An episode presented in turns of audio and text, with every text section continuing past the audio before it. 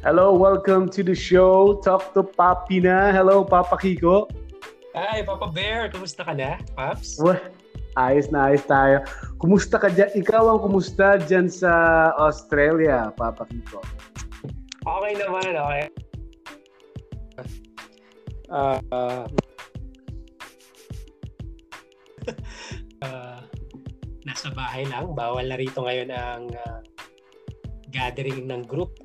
Before Ah, 10, oo. oo. 10 ng bawal. Ah, 10 ang pwede. Ngayon, dalawa Oh. na lang ang pwede. Dalawa na lang ang pwede. Dito sa Pilipinas, wala pa naman ditong bilang kapag mag, ah, may mga gathering. Pero pinagbabawal ng sobrang dami. Ah, okay. Eh, Which Oo. is, uh, kailangan naman, I think. Kailangan nating sumunod. Oo. At, COVID. Yeah, nakakatuwa Papa Kiko. Ito ang ating first episode pagkatapos ng ilang taon nga ba tayo? Ilang taon tayo hindi nagka-tandem uli. Uh, Eh, yung last last program mo sa Barangay LS, yun yung last Mm. din natin kasama. So, excited nga ako for this. Salamat. wow, wow. Nice. Salamat sa podcast, 'di ba?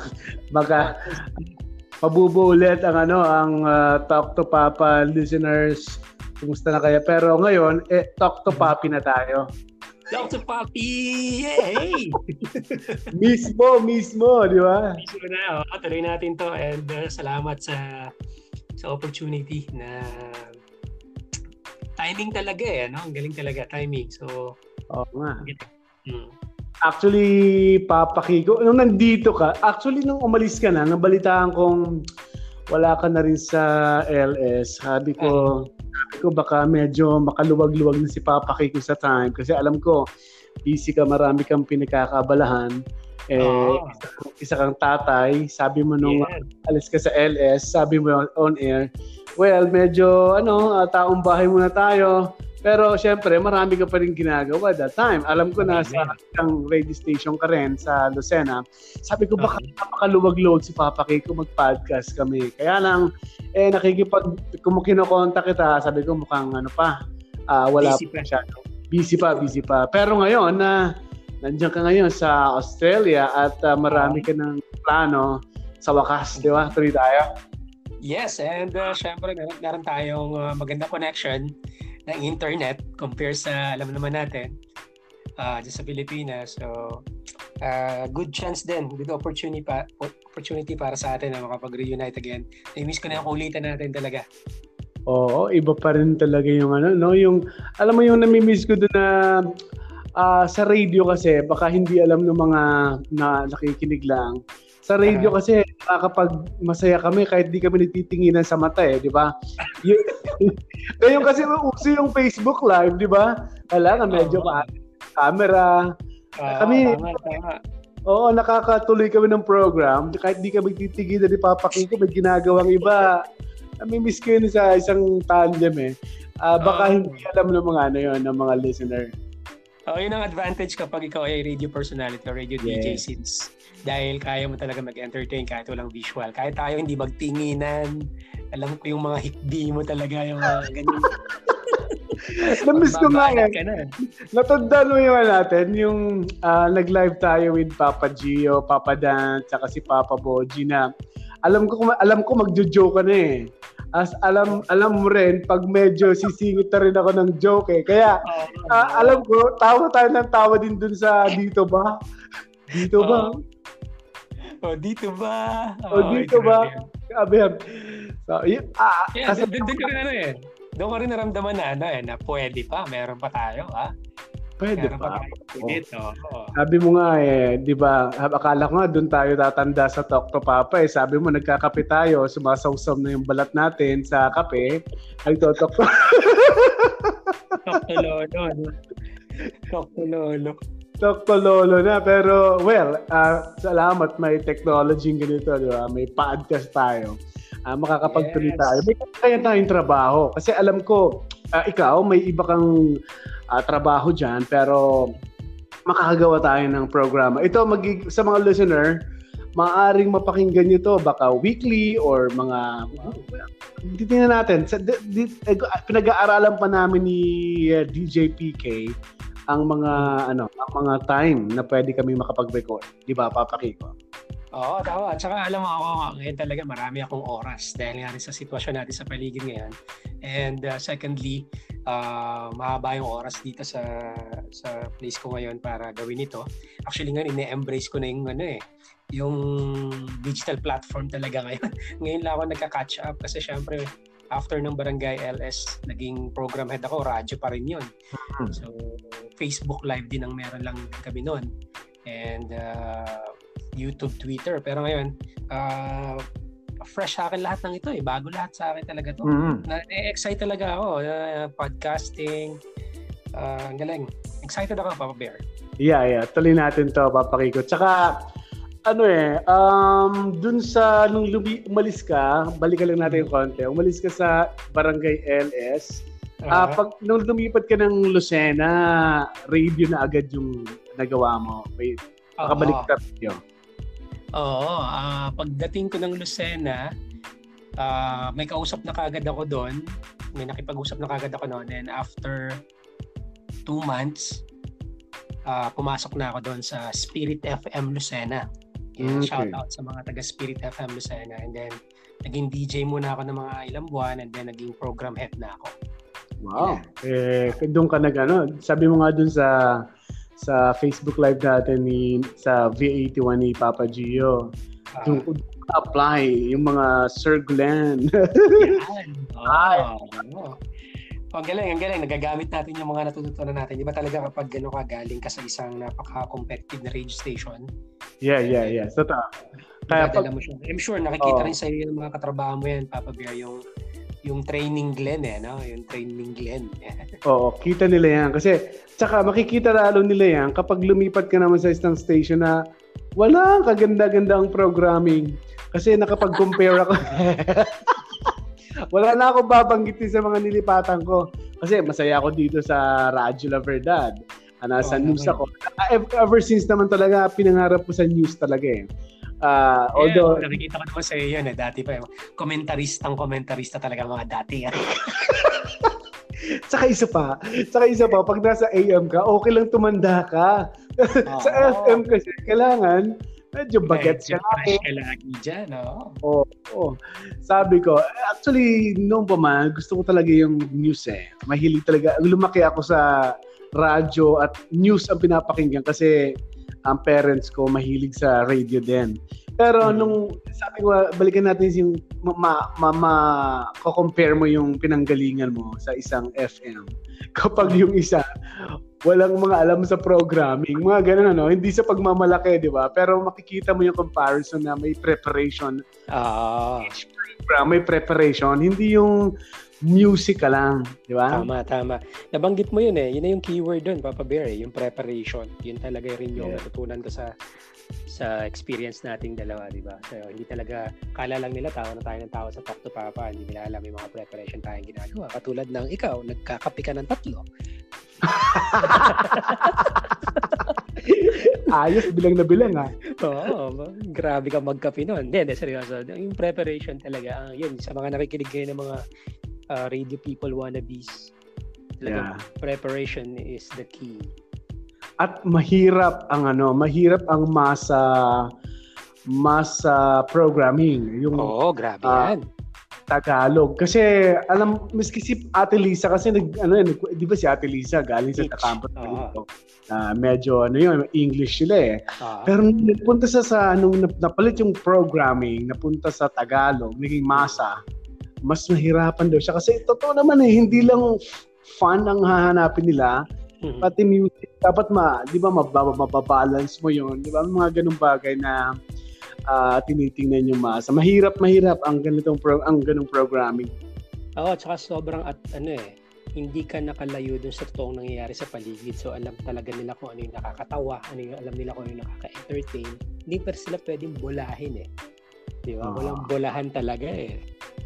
Yeah. At ang maganda naman sa podcasting, Yeah. Dito, lalabas naman yung sarili mong... Although, doon sa kanya ka natin programa, ang program director ang pipili kung saan ka lalagyan na programa, di ba? Mm-hmm, Depende sa, ano mo, forte or... Forte uh, or personality. Personality. Pipili.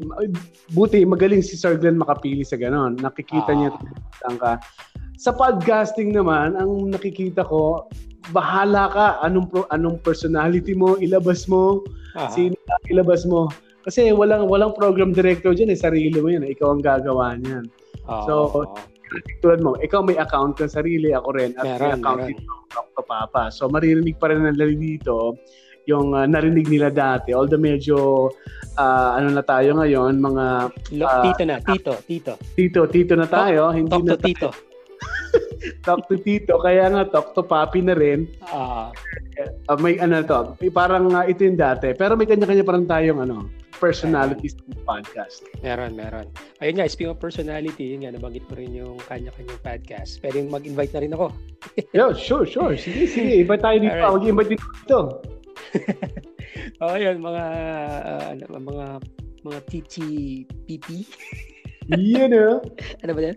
Uh, mga, mga best friends natin na uh, nakikinig sa ating podcast kaya sa TTPP the podcast. Uh, in-invite ko po kayo lahat na uh, check out my own podcast as well. Uh, hanapin nyo na po DJ Papakiko the podcast. Uh, pwede po kayo magpadala ng inyong mga problema or gusto i-share and then the following episode pag-usapan natin.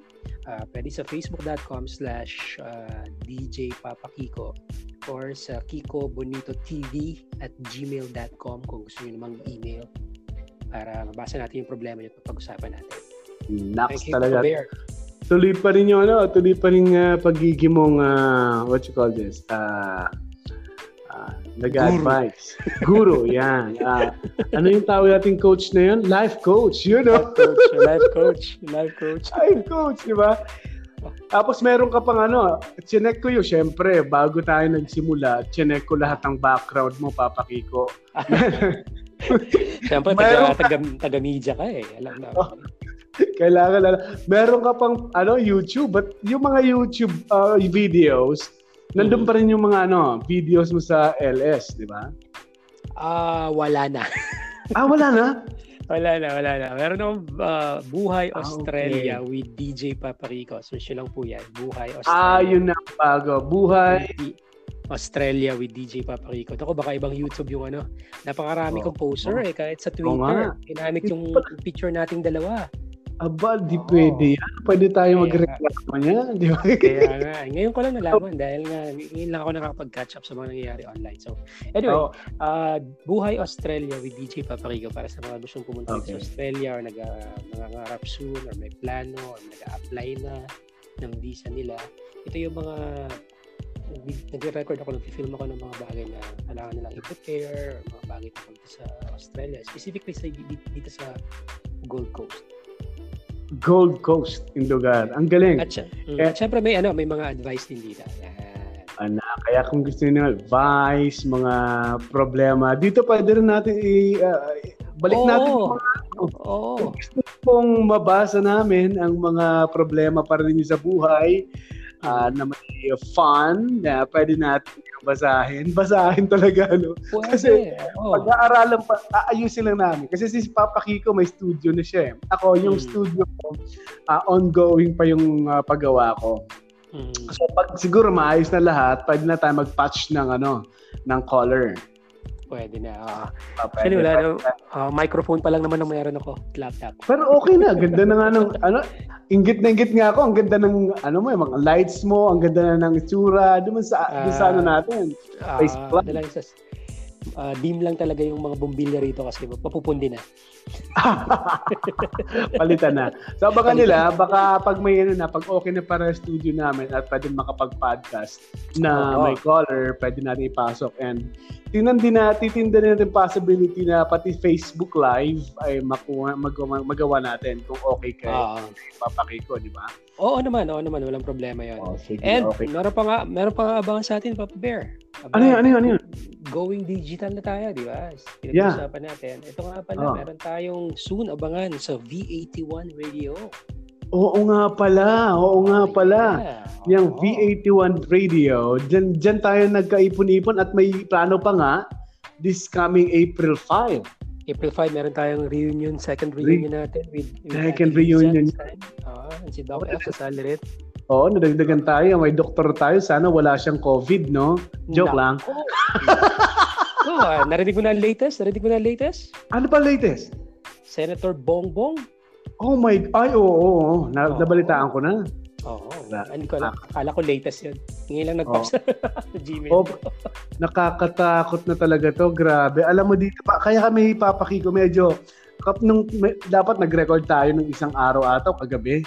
Biglang hmm. ano eh, biglang nagpa special coverage yung station manager namin kasi uh, grabe na dito sa Pilipinas halos uh, maraming gutom, mag, maraming di makakain Maraming gusto kong trabaho, hindi nila magawa. Pero siguro halos dyan din sa sa lugar mo. Kaya ano madalas yung coverage namin? Mm. No, Papa Bear, talagang kahit saan talaga we're under the same storm. Ika nga, dito oh. naman yung mga maraming libo ang nawalan ng trabaho dahil nagsarado lahat ng mga maraming mga companies nila. Even I, wala pa rin akong work until now. Yung mga mga Pilipino na may mga trabaho dati, walang work ngayon. So, Grabe. Yun ang uh, challenging ngayon. Oh, kaya ano eh, para bang wala na talaga wala tayong ibang malalapitan eh, kundi ang Diyos eh. Kasi ah, oo. Alam mo sa nangyayari, alam mo parang maraming bumait ngayon eh. Pero totoo, makikita mo sa mga videos. Uh, oo naman. Ah, marami nagluluto ng pagkain, mamimigay sa kapitbahay, mga simpleng ito, hindi ito, na nagagawa noon, nagagawa ngayon. At saka ang best thing nito, Papa Bear, uh, kahit magkakalayo tayo, social distance, connected tayo eh. Connected tayo sa isa't isa eh, di ba? Yun yung yes. lumalabas dito eh. Yung prayers natin sa bawat isa kahit malalayo, mas mas uh, tumindi. So, meaning kahit physically or distant, eh, by heart, by prayers, laging talaga aswan tayo ngayon. Walang mayaman, walang mahirap. Senator Bongbong, makakabili ng pinakamahal na na vaccine yan. Pero, hmm. di ba? Sino pa? Uh, Senator Angara. Yeah. Si Senator Coco Pimentel na naglakad-lakad diba? pa, di ba? Pero nakaka pa rin. Ito. Oo, ngayon yung ano artista si Although Sylvia Sanchez. Si, oh. oh. yeah, Sylvia Sanchez. Tsaka ang asawa niya. Si Isa, Buti, yeah. Isa, gumaling na. Si Isa Calzado. Oo. Ito, wala. Ito, may mga kakayahan to sa buhay. May, may mga... Meron, meron. Ano, what more? Yung Baka mga... hindi nga sinisipon yung mga yan eh. Baka hindi oh, man lang nasadapuan. Totoo yan. Sabi ko nga, what more yung mas mahihirap na dikit-dikit ang mga bahay, hindi magawa ang pag-iwa-iwalay or social distancing na yan, di ba? Oo, eh, dahil labing walo sila sa isang bahay, di ba? Totoo yan, dalawa, tatlong pamilya, isang bahay, pero Extended. sabi ko nga, naniniwala ko talagang uh, kung, di ba, kung uh, hingi lang tayo ng awa na ma- maingatan ng mga mahirap, di ba? Wala, mm. walang, wala, pwedeng mawala to sa ating pandemic na to. Matatapos na ba, Bear? Naniniwala ako dyan. Malapit na matapos na. Okay, sige. At papakiko, uh, mag-invite na rin ako. I have my own okay, podcast yeah. din, Brother Bear Podcast. Uh, pwede niyo rin mapuntahan yan. Doon naman medyo ano, uh, lahat ng mga nagbibigyan ng interest sa akin uh, sa paligid ko, news, uh, buhay radyo, mga ganong bagay, eh, pwede mapakinggan sa Brother Bear Podcast. At meron din akong program sa radiolaverdad.com every every Monday Monday to Friday 11 yung yun namang programa na yung papakik musical siya pero mm-hmm. uh, nagfi-feature ako ng mga story uh, gusto mm-hmm. kita ma-invite dun eh kailan ba kita ma-invite dun Oh, anytime, anytime. Oh, if Basta online. oh, no problem. Oh, sige, sige. Sige, schedule kita. Gusto ko bago siguro pagkatapos na ng ano ng mga gusto ko makapag-plug kasi yung yung oras na yon nilagyan ng station manager namin ng special coverage eh, kasi mas kailangan ngayon ng balita eh. Uh, siguro hmm. pag nakabalik, uh, schedule kita papakikifeature ko story mo. Oh, bakit please, please, okay. Australia, bakit nagba-vlog ka ngayon dyan, mga ganun ba? Uh, bakit may podcast uh, ang TTPP, Talk to Poppy, yan. Pwede. sige, sige. Alright, so yun muna papakiko. Alam ko busy ka rin at uh, ako I'm preparing for uh, the special coverage ngayong bago mag-8 para sa isa pang uh, program. Alright, maraming salamat Papa Bear at sa lahat po ng mga nakikinig ngayon. Thank you po sa thank you po sa effort na pag-start sa amin nila ni Papa Bear dito sa podcast. And uh, more to come, abangan nyo kami rito. Uh, talk to Papi na. Yan oh, talk to Papi na. Sige, Papa Kiko, goodbye. Bye, brother. Okay, okay.